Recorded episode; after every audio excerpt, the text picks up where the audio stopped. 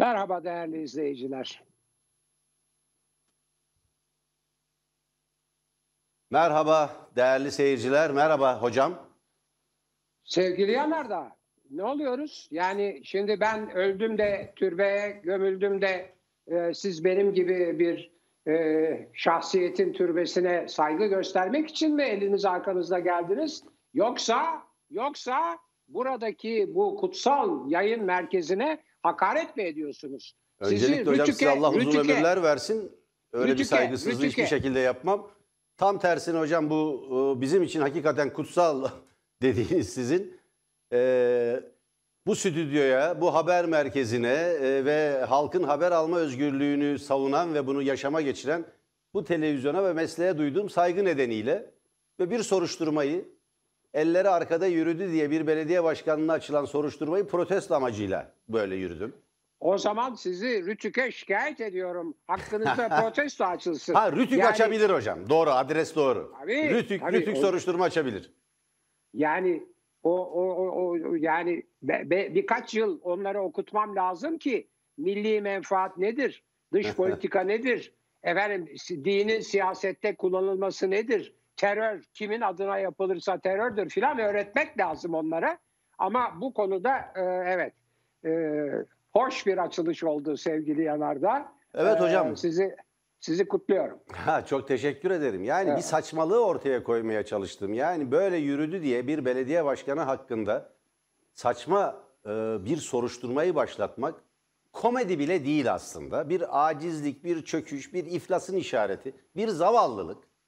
Şimdi ben bütün İstanbullular yarın ki Sayın İmamoğlu söyledi bugünkü basın toplantısında ellerini arkasına bağlayıp yürüdükleri takdirde ne yapacaklar? Benim bizim benim dedem, babaannem ellerini arkasına bağlar öyle yürürlerdi.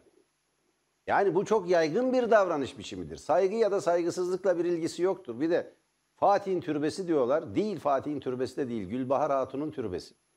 Eşinin, Üstelik.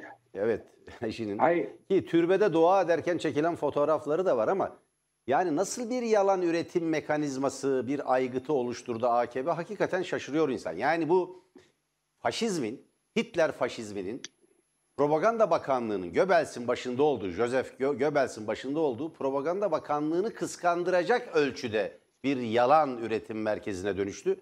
En büyük ayıp da şu galiba, İçişleri Bakanlığı e, Teftiş Kurulu Başkanlığı bunu ciddiye almış ve mülkiye müfettişlerini görevlendirmiş. Bunun bir yasal dayanağı yok hocam. Anayasal dayanağı yok. Ceza kanununda bir yaptırımı yok. Ama şöyle bir hava oluşturmaya çalışıyorlar kamuoyunda. İdari soruşturma başlatıyorlar. Muhtemelen müfettişler soruşturmaya konu bir e, mevzu yok ortada ve e, savcılığa yapılacak bir suç duyurusunda bulunmuyor diyecekler. Büyük olasılıkla çünkü yasal bir karşılığı yok ama şunu demiş oldular. Kamuoyunu bir iki gün bu konuyla meşgul edip bakın siz Osmanoğullarına saygısızlık yaparsanız biz de sizin hakkınızda soruşturma açarız diyorlar. Ben birkaç tweet attım kendisinin Abdülhamit'in torunu olduğunu zanneden bir tane sahtekar eee, ve onu iddia eden, ileri süren ve İstanbul'daki birçok toprak, mal, mülkü zimmetine geçirmek için eee, şey e, faaliyet sürdüren birisi benim ceddime hakaret edemezsin filan demiş. Senin ceddine hakaret eden filan yok. Senin ceddinle cumhuriyetin arasında bir problem var. Mesele bu. İlk önce siz bu cumhuriyetle barışın, bir uzlaşın. Ondan sonra olan biteni olduğu gibi oturur konuşuruz. Buyurun hocam, bir, bugün açılış sırası sizdeydi. Böyle efendim. başladık. Bu, bunlar e, bu e, güzel e, protestonuzda her şey bedel olur. Ayrıca hiç böyle siz de çok güzel şeyler söylüyorsunuz. Buyurun şimdi hocam. efendim başka gariplikler de var. Ben şimdi bu siz e, sözünü ettiniz yalan e, makinesi hikayesi. Bir aygıt, Ee, bir mekanizma oluşturmuşlar hocam değil mi? Evet, şimdi AKP'nin e, 19 yıldır e, iktidarında yaptığı en önemli işlerden biri gerçekleri saptırması. Hadi ben nezaketimi bozmayayım. Gerçekleri saptırması, gerçekleri ya saklaması ya farklı yansıtması. Bunun pek çok örneği var. Yani benim e, bütün e, kamuoyunun da herhalde belleklerine e, kazılmış olan bir şey var. E, PKK terör örgütüyle Stockholm'da başlayan görüşmeler, müzakereler. Ne dediler? Hayır asla görüşmüyoruz. görüşüyorsunuz diyen şerefsizdir dediler. Şerefsizdir dediler görüşüyorsunuz diye. Sonra görüşme zabıtları şey yansıdı. Ne dediler? Biz görüşmüyoruz, devlet görüşüyor dediler. Sonra görüştüklerinin kendileri olduğu ortaya çıktı. Yani ben emir verdim dedi bir şey en yukarıdaki. Yani bir öyle başladı. Daha bunun bunu çok örneği var. Yani yaptıklarının e, haberlerini veren gazetecileri e, casuslukla suçlayıp hapislere attılar vesaire vesaire. En son en son bu salgınla mücadelede yayınladıkları salgının başında yayınladıkları sayıların ve oranların saklanmış, gizlenmiş, değiştirilmiş olduğunu Türk Tabipler Birliği, Türk Tabipleri Birliği ve belediyelerin sayı açıklamaya başlamaları üzerine ve Dünya Sağlık Teşkilatı'nın baskısından dolayı e, ya bir yanlışlık olmuş biz öyle yayınlıyorduk ama şimdi böyle yayınlayacağız diye gene ne kadar doğru olduğu bilinmeyen ama eskilerinin baskılanmış gerçekler, saptırılmış gerçekler olduğunu e, kabul eden bir şekilde yayınlamaya başladılar. Yani kendilerinin en çok yaptığı şeyi muhalefete yükleyen bir çizgi film yaptılar ve felaket ters tepti. Çünkü bir defa onu e, sosyal medyada yansıtırken kendi amblemlerinin altında yazmışlar yalan makinesi diye. Herkes ondan matrak geçmeye başladı. Ya siz muhalefete yalan makinesi diyorsunuz ama tabii onu e, yansıtan hesaplarda kendi e, amblemleri vardı. Neyse sonra kavga dövüş onları düzelttiler falan bir şeyler. Fakat burada tabii çok e, insanı rahatsız eden bir şey. 19-20 yıldır artık 20 yıl oldu neredeyse. 20 yıldır iktidarlarında her türlü gerçeklere aykırı, gerçekleri değiştiren, gerçeklere uymayan açıklamalar yapan bir iktidarı muhalefeti e, yalan makinası olmakla itham etmesi. Bu arada tabii soruyoruz şimdi. Tarak niye yasak kardeşim? Çilingirler niye yasak? Valla kimse anahtarını evinde unutmasın diyor çilingirler. Yani gelemeyiz evet. diyor. Ee, bir her yerde neresiyse orası her ilde mi mesela İstanbul'da mı Beşiktaş'ta mı ilçede mi bir gözlükçünün açık olduğu söyleniyor. Yani nerededir, kimdir, kim karar verecek belli değil. Ee, yani mesela benim gözlüğüm kırılsa ben çok yüksek şeyi göremem e, örneğin falan. Peki 125 milyar, 128 affedersiniz milyar dolar nerede? Ee, yani o karşı çizgi filmde bunun farklı yanıtları verilmiş. Siz de gösterdiğiniz evet. şeyde ana haberde. Ben onu şimdi tekrarlamayacağım ama 40 tane farklı açıklama var. Hiçbiri bir tanesi bir tanesi biraz gerçeğe uygun. Fakat bizzat en tepedeki yöneticinin söylediği bir sayı ki e, o 128 değil 160 küsür diyor ki doğru. Yani e, hakikaten 160 milyar dolar filan tutuyor o gö- görünmeyen hesaplarda bulunamayan paraların miktarı. El değiştirmiş kardeşim. Buharlaşmaz tabii. Soru o zaten. Kaçtan sattınız? Bu kadar. Kaçtan sattınız? Kime sattınız? Hangi hangi yetkiye dayanarak sattınız? Üç tane soru var.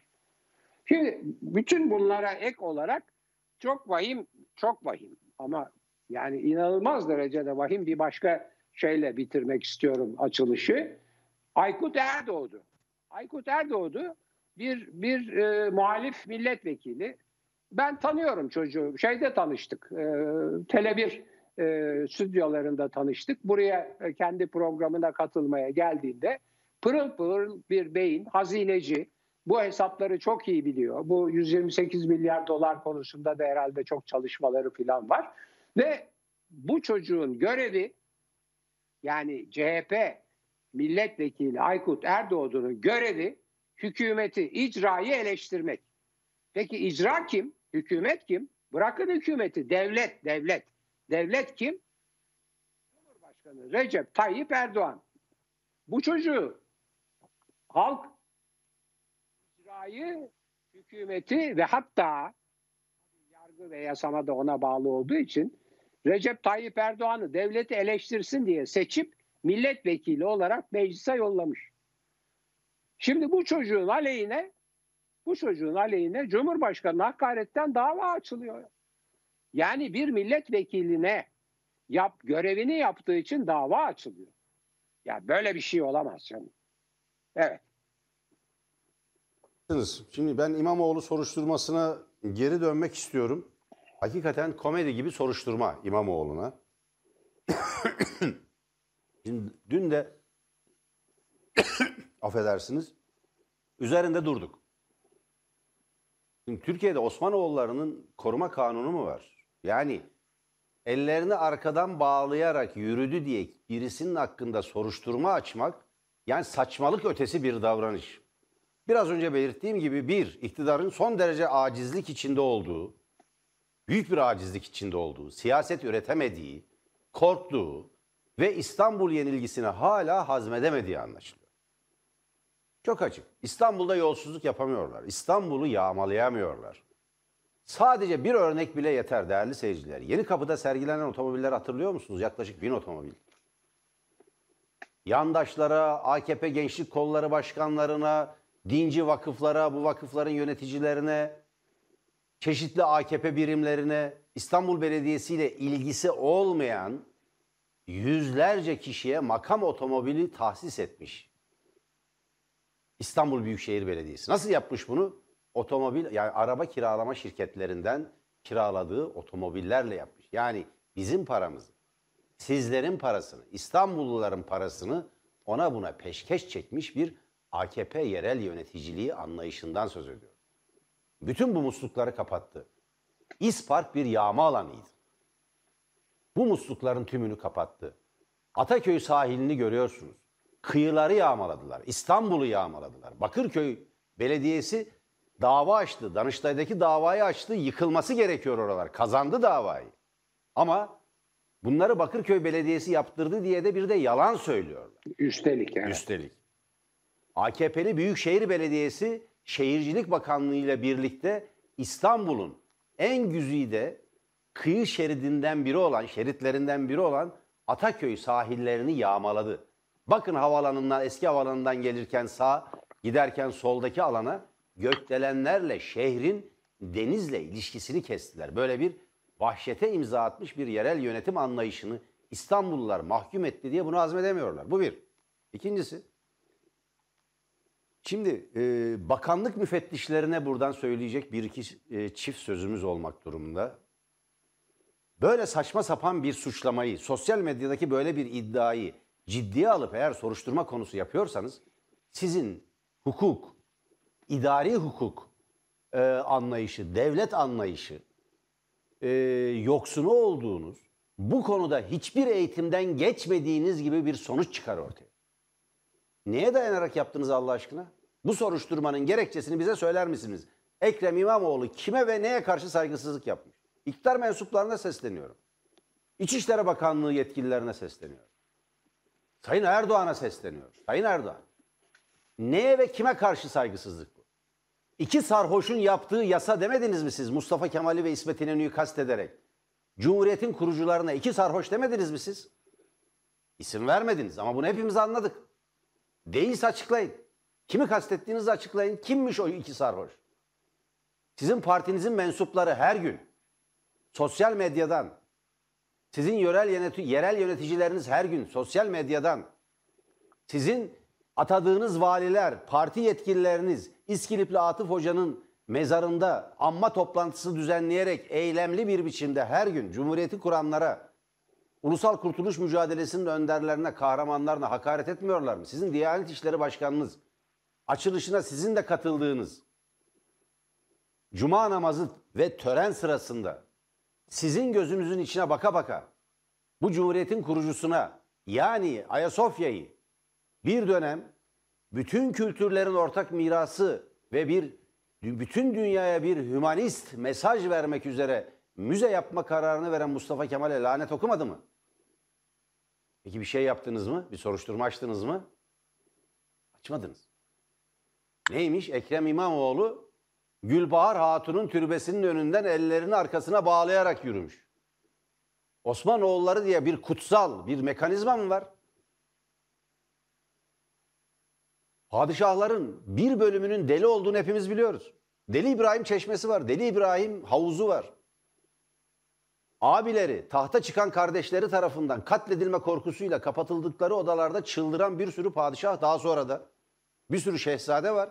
Bunların bir bölümü daha sonra tahta çıkmıştır. Bir aile, bir kişiden söz ediyoruz.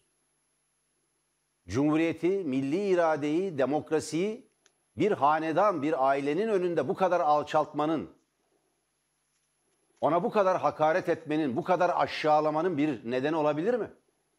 Bunun nedeni ancak akıl ve bilim dışına, çağ dışına savrulmak, 21. yüzyılda Türkiye'de bir orta çağ rejimi kurmakla açıklanabilir. Ekrem İmamoğlu'na açılan soruşturma ki trajikomik bir soruşturma anlamı budur. Komik gerçekten. Zeytun soruşturması gibi ya olay haberi gibi hani komik haber diye.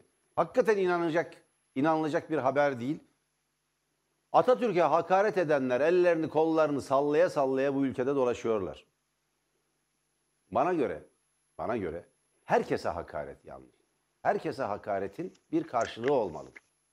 Türkiye Cumhuriyeti vatandaşı olan herkese, insan olan herkese hakaret edilmesi yasal olarak engellenmelidir. Özel hiçbir yasa çıkarılmamalıdır bana göre. Kim olursa olsun. Fakat Cumhurbaşkanı'na onu bırakın. Onu bırakın. Yani hakaret etmeyi bırakın. Eleştiri bile yöneltmek için insanlar korkuyor. Ben de falan döken ne dedi ya? Esnaf ve Sanatkarlar Konfederasyonu Başkanı. Bu içki satışı yasağı yanlış. Esnaf zor durumda, perişan halde. Ama bunu ben Cumhurbaşkanı'na söylemeye korkuyorum. Rejime bak ya. Bir korku rejimi yaratmışlar. Bunun adına demokrasi demeye çalışıyor. Böyle bir şey mümkün Evet. değil. Buyurun hocam. Evet, e, şimdi rejim gittikçe demokratik, laik ve sosyal hukuk devleti rejiminden e, faşizme doğru kayıyor. Şimdi faşizm nedir ki?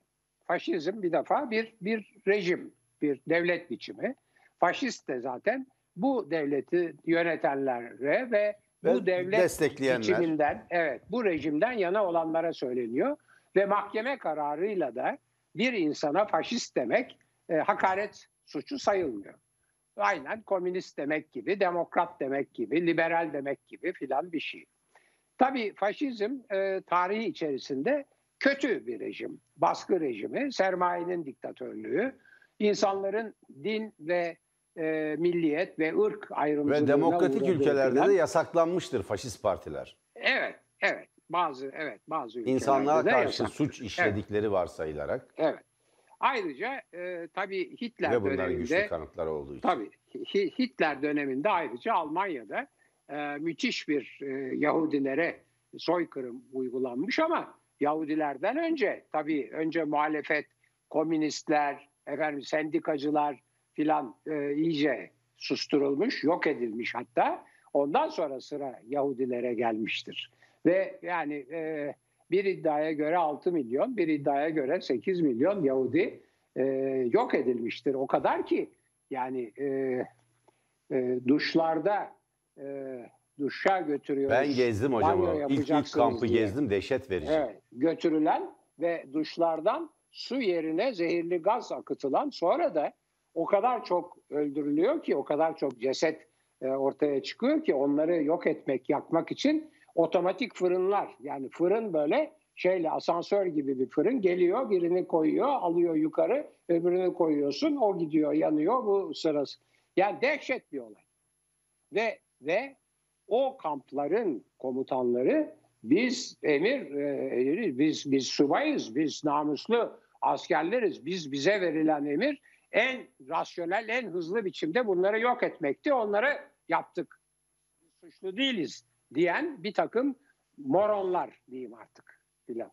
Şimdi yani böyle bir geçmişi olan bir şey olduğu için, rejim olduğu için biraz o sevilmeyen bir rejimdir. Fakat Türkiye'de işte başka rejimler gibi bir rejim olduğu için bunu bir insana atfen söylemek, bir insanı bunun destekçiliğiyle suçlamak hakaret olmaktan çıktı. Neyse o bir şey yani o bir mahkeme kararıdır. Onu hatırlattıktan sonra ben aslında kimseye faşist filan da demek istemem. Ee, pek demem de çünkü o bence çok ağır bir hakaret. Yani hakikaten çok ağır bir hakaret. Katil demek gibi filan bir şey ama ben demem zaten demem. Hakaret olmasa da demem. Benim sözlüğümde insanlara bu kadar ağır e, hakaret gibi algılanacak sözleri söylemek yok. Ama rejim gittikçe demokrasiden faşizme doğru kayıyor. Şimdi nereden çıkarıyorsun? Şuradan çıkarıyorum. Birincisi demin söylediğim Aykut Erdoğdu olayı. Yani görevi, icrayı, yasaları yasaları yapan meclisi, yasaların uygulanmasını, hükümeti, hatta yargıyı, yargı kararlarını eleştirmek olan birine o yargının alacağı yasaları yapan meclisin üyesi olan birine yani yasama organı aslında en üstte olması lazım. Çünkü bütün yasaları o yapıyor. Öyle birine Cumhurbaşkanı'nı hakaretten yani Cumhurbaşkanı'nı eleştirdiği için dava açılıyor. Bu, bu, bu demokrasi. Eleştiremiyorsunuz hocam ama Cumhurbaşkanı o, herkese hakaret ediyor. E, herkese. Evet hem de ne biçim. Herkese. Ne biçim. Ne herkese. biçim hakaret tabii, ediyor. Tabii. Ayrıca bu söylüyor herkese. Bu saygı Onu eleştirmek meselesi... yasak ama onun herkese hakaret etmesi serbest. Ben şimdi onun söylediği Tam böyle bir sözcükleri evet her ihtimale karşı çıkarmıştım ama gene e, benim terbiyem müsait değil. Onları söyleyemeyeceğim. bir defa yalnız Yılmaz e, Özdil bunları Biz birkaç kere saydık hocam burada. Evet, burada ben birkaç kez sayıldı. Evet, ben, ama şimdi onu tekrarlamayacağım ama çok ağır, çok ağır sözcüklerle hakaret ediyor kendisinden farklı düşünenlere karşı. Ayrıca tavır, el, kol hareketleri, efendim şehide saygı, türbeye saygı konusunda e, bugün galiba e, CHP e, grup başkan vekillerinden biri fotoğraflarını gösterdi. Kendisi bir şehit cenazesinde kolunu e, o masum şehidin, cennetlik şehidin tabutuna kolunu, dirseğini dayayarak öbür elinde mikrofonla e, cemaate seslendi. Yani eğer duruş vesairede bir şey arıyorsak ve onu savcılara ihbar olarak söyledi e, grup başkan vekili Engin zannediyorum Engin Altay. Şimdi yani o kadar farklı bir çifte standart uygulanıyor ki bunun artık demokrasiyle filan ilgili bir tarafı kalmadı. Aynı anda aynı anda başka bir şey daha oldu. İçkiyi yasakladılar. Fakat içkiyi yasaklamanın yasal dayanakları yok. Ne yapsınlar? Ne Yasa dışı bir ya, yasak. Anayasal evet. dayanağı da yok. Hukuk dışı bir yasak. Biz dediler bunu Keyfi. efendim işte şeyleri kapattık. Tekel bayilerini kapattık. Onu da niye kapattı o da belli değil. Yani yani bu şey sırasında pandemiye bir önlem olarak alınan karantina sırasında niye tekel bayileri İnsanların kapalı? Onu da... evlerinde içki içmelerini bile yasaklayan bir iktidarla karşı karşıyayız. Evet ama hayır, başta en başta tekel bayileri niye kapalı onu sormak lazım. Evet. Bunlar fındık fıstık da satıyor, kuru yemiş de satıyor, sigara da satıyor, çakmak da satıyor. Ben gazete, dergi satanı biliyorum.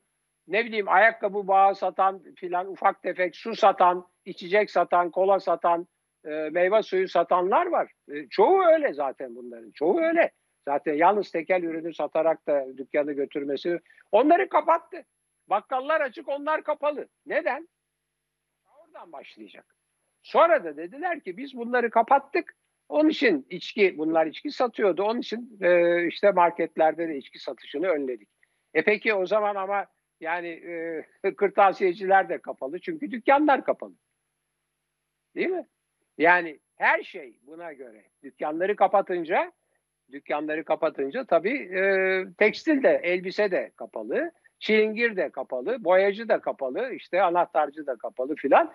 Ve her şey şimdi bitti. Ve hiç doğru dürüst bir destek de yok. Özellikle, özellikle esnafımıza destek yok. Özellikle işçiye destek yok ve tabii işçi çalıştıran küçük esnafa, küçük tüccara, yani adam kendisi bakkalını açmış. Yanında da bir de çocuk çalıştırıyor. E ona da destek yok. Asıl o desteği istiyor. Daha korkuncu var. Benim tanıdıklarım var. Ailecek bir kafe bütün parasını yatırmış. Bir yer tutmuş ve bir kafe işletiyor. İflas etti. Yani perişan haldeler böyle. Sadece paket servisiyle falan yürümüyor işler. Çok korkunç bir biçimde. Bunlara hiçbir destek yok. Ne diyor? Bugün gene o Engin Altay herhalde katıksız hapis diyor. Katıksız hapis. Ve tabii işveren. Ve tabii işveren. Onlara gene bir şeyler vermeye çalışıyor ama çok devede kulak. Yani bir bu işte beceriksizlik, basiretsizlik ve habire genelge üstüne genelge, Cumhurbaşkanlığı kararnamesi üstüne kararname yayınlanıyor. Nedir? Bir önceki kararnamenin veya genelgenin açıklanması, onun düzeltilmesi, açıklamanın düzeltilmesinin açıklanması, onun düzeltilmesi gibi. Dolayısıyla perişan olduk ve başımızda bir de bir de Azrail, Covid-19. Ölüyoruz ya ölüyoruz. Yani beceriksizlikten dolayı ölüyoruz. Maalesef hocam çok haklısınız. Şimdi alkolü yasaklamak için bir kaos yarattılar. Çünkü sadece alkolü yasaklayamadılar. Bunu açıklayamadılar. İnsanların, Türkiye Cumhuriyeti vatandaşlarının temel hak ve özgürlüklerine ideolojik bir müdahaleydi çünkü bu. Hiçbir temeli yok. Hiçbir temeli yok.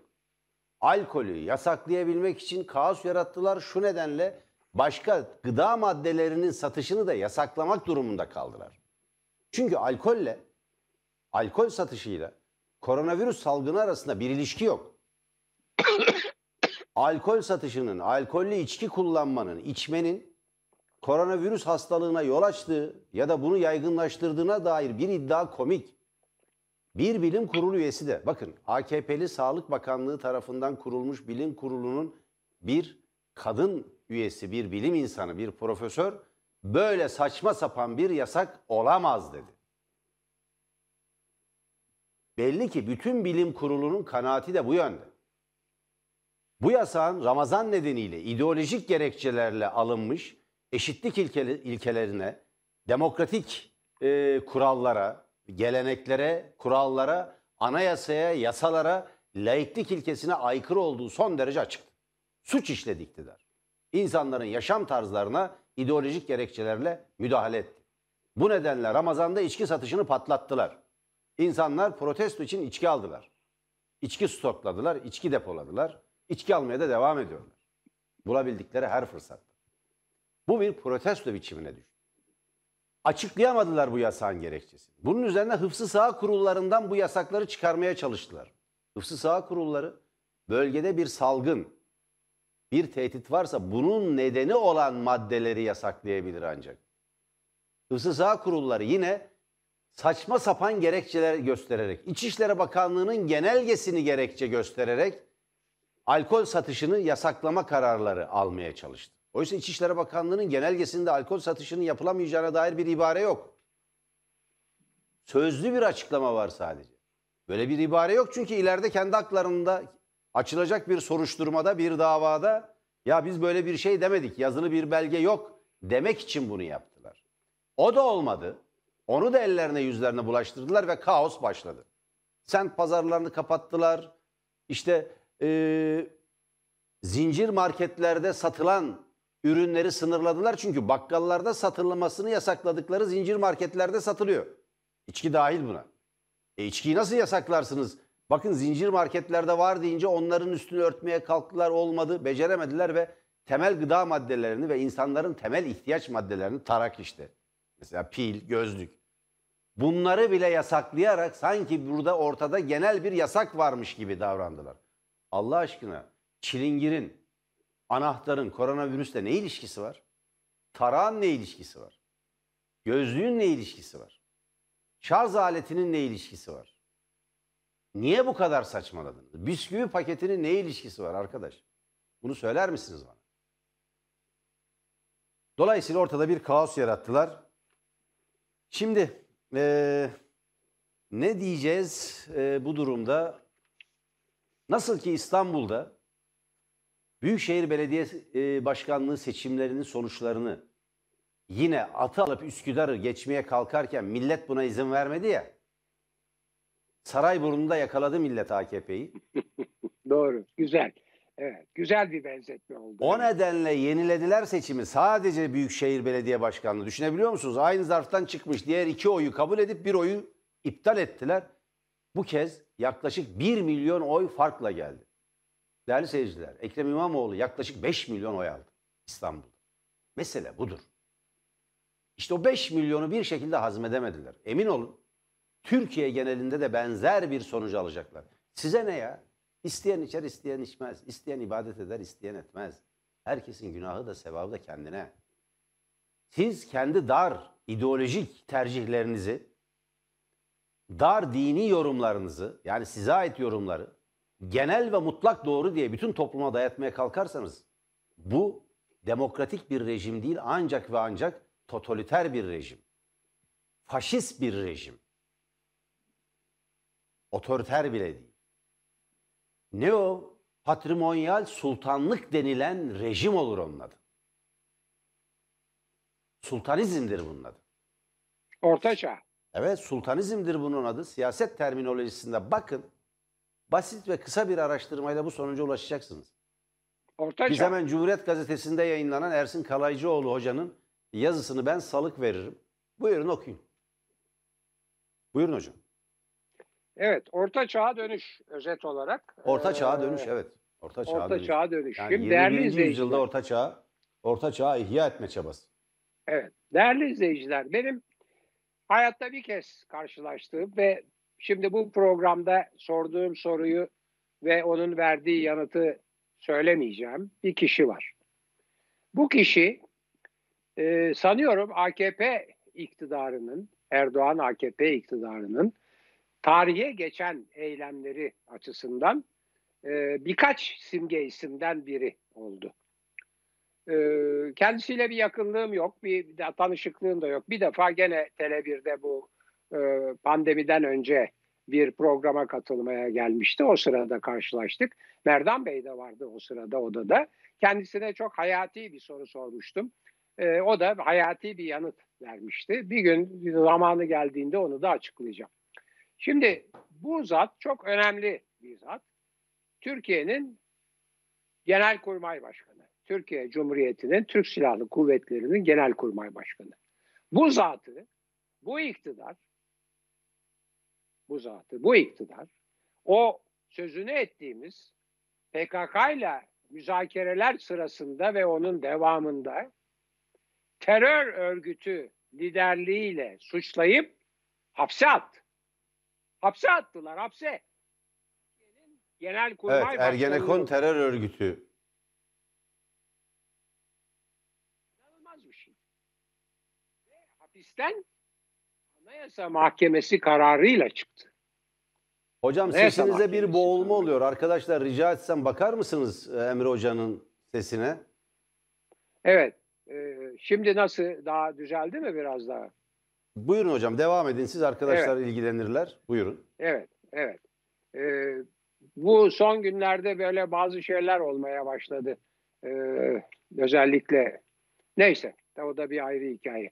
Şimdi yani Türk Silahlı Kuvvetleri'nin genel kurmayının baş, başı başkomutanı fiili Evet efendim, hocam benim odamdaki sohbette çok iyi hatırlıyorum.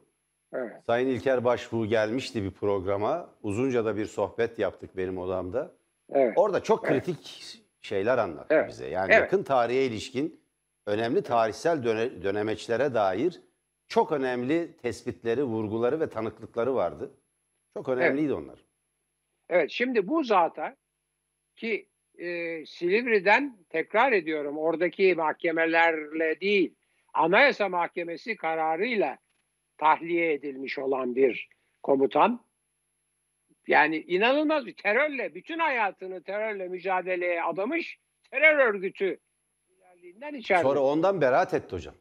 evet, İki evet. yıl tutuklu kaldı ve beraat etti değerli Evet, seyirciler. evet, Kumpas çökünce yani- beraat etti. Ama, ama kumpas çökene kadar. Şimdi Evet. aynı zat. Bu, bu zat enteresan bir zat. Ee, tarihe meraklı. E, sosyolojiye ve siyaset bilimine meraklı. Atatürkçü kitaplar yazıyor. Habire kitap yazıyor. Yani Atatürk üzerine bir kitabı var. Tarihte e, Müslümanlara, Türklere karşı yapılan e, işte kumpaslara karşı bir kitabı var filan. Bir televizyon konuşmasında tarihe ilişkin bir yorum yaptı. Yaptığı yorum doğru.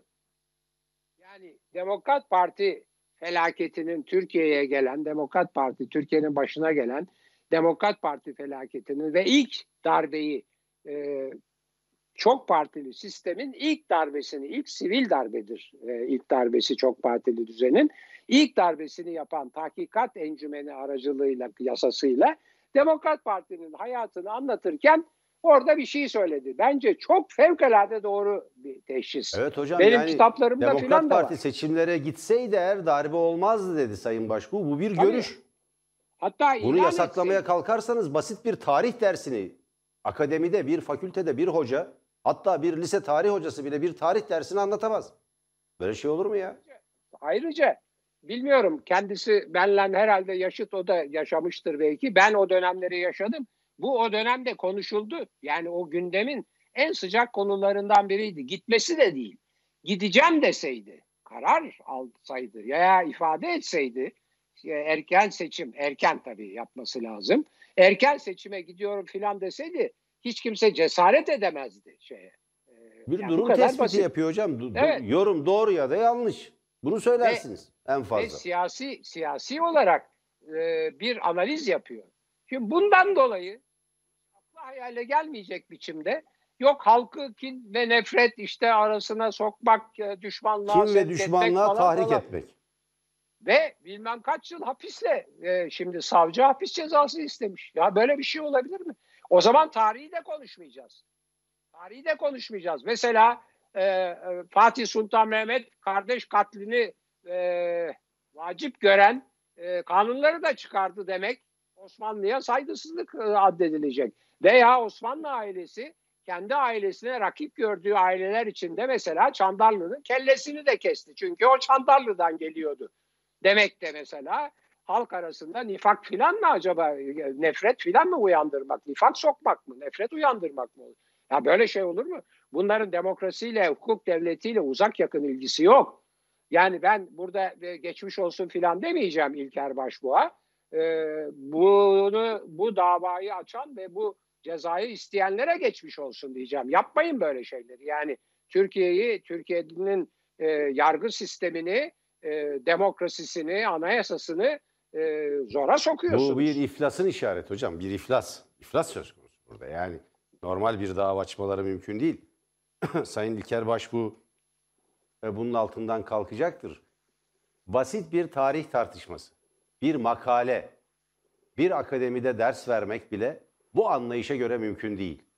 Bir siyasal analizden bir darbe çağrısı ve tahrik, darbe tahriki sonucu çıkarmak ancak ve ancak bir kumpasçı kafa yapısıyla, kumpasçı zihniyetle, kumpasçı bir hukuk anlayışını adliyeye oturtmakla ancak yapılabilir, sağlanabilir. Kumpas davalarının sonuçlarını hep birlikte gördük zaten. Şimdi hocam e, su- e, sona doğru geliyoruz. İki şey söyleyeceğim. Peki madem öyle darbeci dedikleri, diktatör dedikleri, zorba dedikleri Sisi'nin ayağına niye gittiler? Ne oldu bu Rabia'ya? Rabia'ya ne oldu? Ne oldu Rabia'ya? Niye İhvan'ın, Müslüman kardeşlerin İstanbul'daki bütün televizyonların, radyolarını kapattınız birdenbire? Darbeci Sisi nasıl birdenbire dost, kardeş Sisi oldu? Çünkü İhvan, çünkü Müslüman Kardeşler Örgütü, bakın Mısır Müslüman kardeşleri bir terör örgütü olarak görüyor. Bir terör örgütü. Ve Türkiye'yi de bu terör örgütünün merkez üssü olarak değerlendiriyorlar. Birçok ülke tarafından böyle görülüyor. Amerika Birleşik Devletleri'nde Türkiye'de iktidarın IŞİD gibi bir takım İslamcı örgütlere destek verdiği, yardım ettiği iddia ediliyor. O yüzden Senato'ya bir karar tasarısı sundular. Ve karar tasarısını sunan senatörün değerli seyirciler ettiği laf çok önemli. Trump yönetiminden aldığı, Türkiye'deki hükümetin, iktidarın Trump yönetiminden aldığı insan haklarını ihlal serbestliğinin kullanım süresi doldu. Buna artık izin vermeyeceğiz diyor. Kullanım süresi doldu düşünebiliyor musunuz? Trump'tan almışlar bunu. Trump buna göz yummuş. Şimdi Türkiye'yi bu duruma düşürmüş bir iktidardan söz ediyoruz biz. Kalkın siz İlker Başbuğ'a böyle bir dava açın. Sisi birdenbire yani diktatör, darbeci, zorba, zalim, katil Sisi dediğiniz Sisi birdenbire dost oldu. Çünkü Doğu Akdeniz'de, çünkü Orta Doğu'da, çünkü Suriye'de, çünkü Balkanlar'da, çünkü Kafkaslar'da, çünkü Türkiye'nin dört bir yanında izlediğiniz kuzeyinde, güneyinde, doğusunda, batısında siyasetiniz iflas etti. Müslüman Kardeşler Network'üne dayalı yani Müslüman e, kardeşlerin örgütsel şebekesine dayalı dış politika anlayışınız çöktü. O network'ün çöküşüyle birlikte ortada yapayalnız kaldı Türkiye. Doğu Akdeniz'deki yaşamsal çıkarlarını savunamaz durumda. AKP iktidarı Türkiye'yi iflasa sürüklüyor. Türkiye'yi felakete sürüklüyor. Yani bir laf vardır.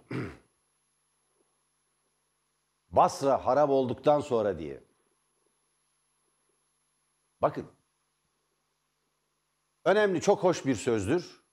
Yani yaptığınız artık bir anlam taşımıyor. Basra harap olduktan sonra ne yaparsanız yapın demek. Basra 8. yüzyılın Arap dünyasında, Müslüman dünyanın, Arap dünyasının en gelişmiş, en mamur, en güzel kentlerinden biri.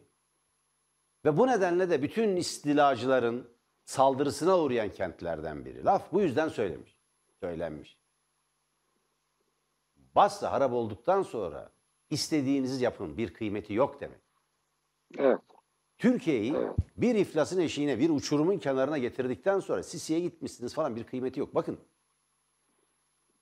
Ya şey devrildikten sonra, eee, Hüsnü Mübarek devrildikten sonra bütün diğer partilerin seçimleri boykot ettiği bir eee, ortamda yüzde yirmi oyla iktidara gelip artık seçime gitmeyeceğiz diyen bir Mursi devrildi orada.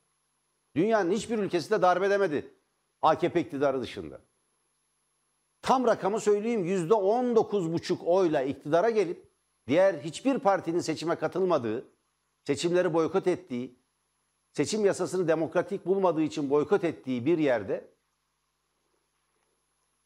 yüzde on dokuz buçuk oyla iktidara gelip 500 yıl iktidardayız, seçim falan yapmayacağız dediği için devrilmiş bir diktatörden söz ediyoruz. Bir ihvan yöneticisinden söz ediyoruz.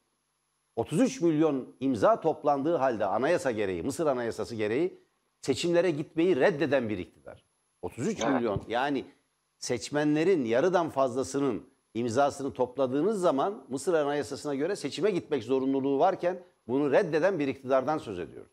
Dolayısıyla yöntemleri doğru bulmayabilirsiniz, eleştirebilirsiniz ama Mısır gibi Mısır gibi kadim bir uygarlığı temsil eden bir yönetimle ideolojik sebeplerle anlaşmazlığa, bu kadar derin bir düşmanlığa yol açarsanız işte böyle ortada kalırsınız.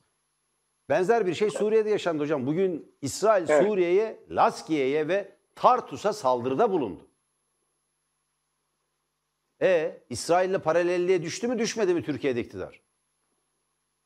Hep onu anlatmaya Evet. çalıştık. Amerikan ve İsrail saldırısı altındaki Suriye, Filistin'in kadim dostudur. Filistin hareketini ve Filistin kurtuluş mücadelesini hiç satmamış tek Arap ülkesi ve Arap Cumhuriyeti'dir, yönetimidir. Cihatçılarla birlikte ABD ve İsrail'in yanında kalktınız Suriye'ye savaş açtınız. Bakın 29 Mayıs'ta 26 Mayıs'ta Suriye'de seçimler yapılacak. Bu Evet. kadar hakim oldu ve bu savaşı Suriye'yi savunanlar kazandı. Orada da iflasla sonuçlandı. Bugün sosyal medyada vardı hocam gördünüz mü bilmiyorum. Kafileler halinde sınırı geçiyorlar. Kevgire dönmüş Türkiye'nin sınırları. Öyle. Buyurun hocam. Ben Evet. anonslamadan önce siz isterseniz tamamlayın bugünü. Evet, e, şöyle bir şeyle tamamlayacağım. Bu Mısır olayı fevkalade önemli. Mısır'da yayınlanan El Vatan gazetesinin yazı işleri müdürü bir gazeteci. Bu Türkiye ile Türkiye'nin ricası üzerine arayı, arayı düzeltelim ricası üzerine Mısır'ın 10 şart ileri sürdüğünü söylüyor. Sputnik haberi bu. Okumayacağım şimdi 10 tane şartı ama söyleyeyim. Yani bir tanesi bu Akdeniz'de çizilen deniz sınırları, öbürü Müslüman kardeşlere de verilen desteğin geri çekilmesi, daha öbürü Suriye'ye müdahalenin durdurulması vesaire vesaire. 10 tane demir leblebi gibi Türkiye'nin şimdiye kadar uyguladığı, affedersiniz Türkiye'nin değil, AKP, AKP hükümetinin şimdiye kadar uyguladığı yanlış dış politikanın bütün temel taşlarını geri almasını şart olarak koyuyor. Suriye'de de öyle. Efendim şurada bir tek o denizde yanlış bir politika değildir ama o da geç kalmıştır. Onun için çok sonuç olamayacak. Ee, onların geri alınmasını istiyor. El Vatan Gazetesi'nin yazı işleri müdürü. Girin bakın Sputnik'te bu haber var. Yani, Yani resmi bu- bir gazetedir onu da belirtelim. Yani Kahire ile El Ahram arayı- gibi. Evet, arayı düzeltmenin maliyeti. AKP'nin dış politikasının değişmesi olacak. Bunu Aynen. da bilsinler. Evet değerli seyirciler bizden hemen sonra Evren Özalkuş'un bizim Tele1'in ana haber sunucusu Evren Özalkuş'un hazırlayıp sunduğu Türkiye'nin Geleceği programı var. Her zaman olduğu gibi sürekli katılımcıları, yorumcuları var. Sayın Mustafa Balbay, Tele1 programcısı, Cumhuriyet Gazetesi yazarı Sayın Mehmet Ocak'tan, Karar Gazetesi yazarı ve e, Liberal Demokrat Parti eski genel başkanı, iş insanı Cem Toker. Bugün bir gazeteci arkadaşımız daha var konuğu, Yavuz Ohan. Türkiye'de Aa, evet gündemi değerlendirecekler. Konuştuğumuz bütün bu konuları bir hafta boyunca Türkiye'nin konuştuğu ve tartıştığı bugün en son gelişmeler dahil, son dakika gelişmeleri dahil tam saat 21'de bu ekranlarda Evren Özalkuş'un sunduğu Türkiye'nin Geleceği programında masaya yatırılıp konuşulacak. İzlemenizi öneririm. Kaçırmayın, Tele1'den ayrılmayın. Hoşçakalın. evet, eliniz arkada yürüyebilirsiniz ama sağlığınıza ve şerefinize, Valla haysiyetinize ben İstanbulluların yerinde olsam e, sokağa çıktığım ilk gün ellerim arkada yürürüm. Ben öyle yapacağım. Va- Vallahi değerli izleyiciler hakikaten inat olsun filan diye değil. Ben yani böyle bir soruşturma açılır mı bakalım. Hay Covid de geçirdim. Ak- Ciğerlerim açılsın diye ben yürürken, spor için yürürken her sabah ellerim arkada yürürüm. Hadi buyurun bakalım. Evet, Dikkat edin hocam. şerefinize, haysiyetinize ve sağlığınıza dikkat edin. Ben şerefimi, haysiyetimi kaybetmedim ama sağlığımı kaybettim. Çok zor oluyor tekrar elde etmek Aynen, onları. aynen. Görüşmek üzere. Hoşçakalın.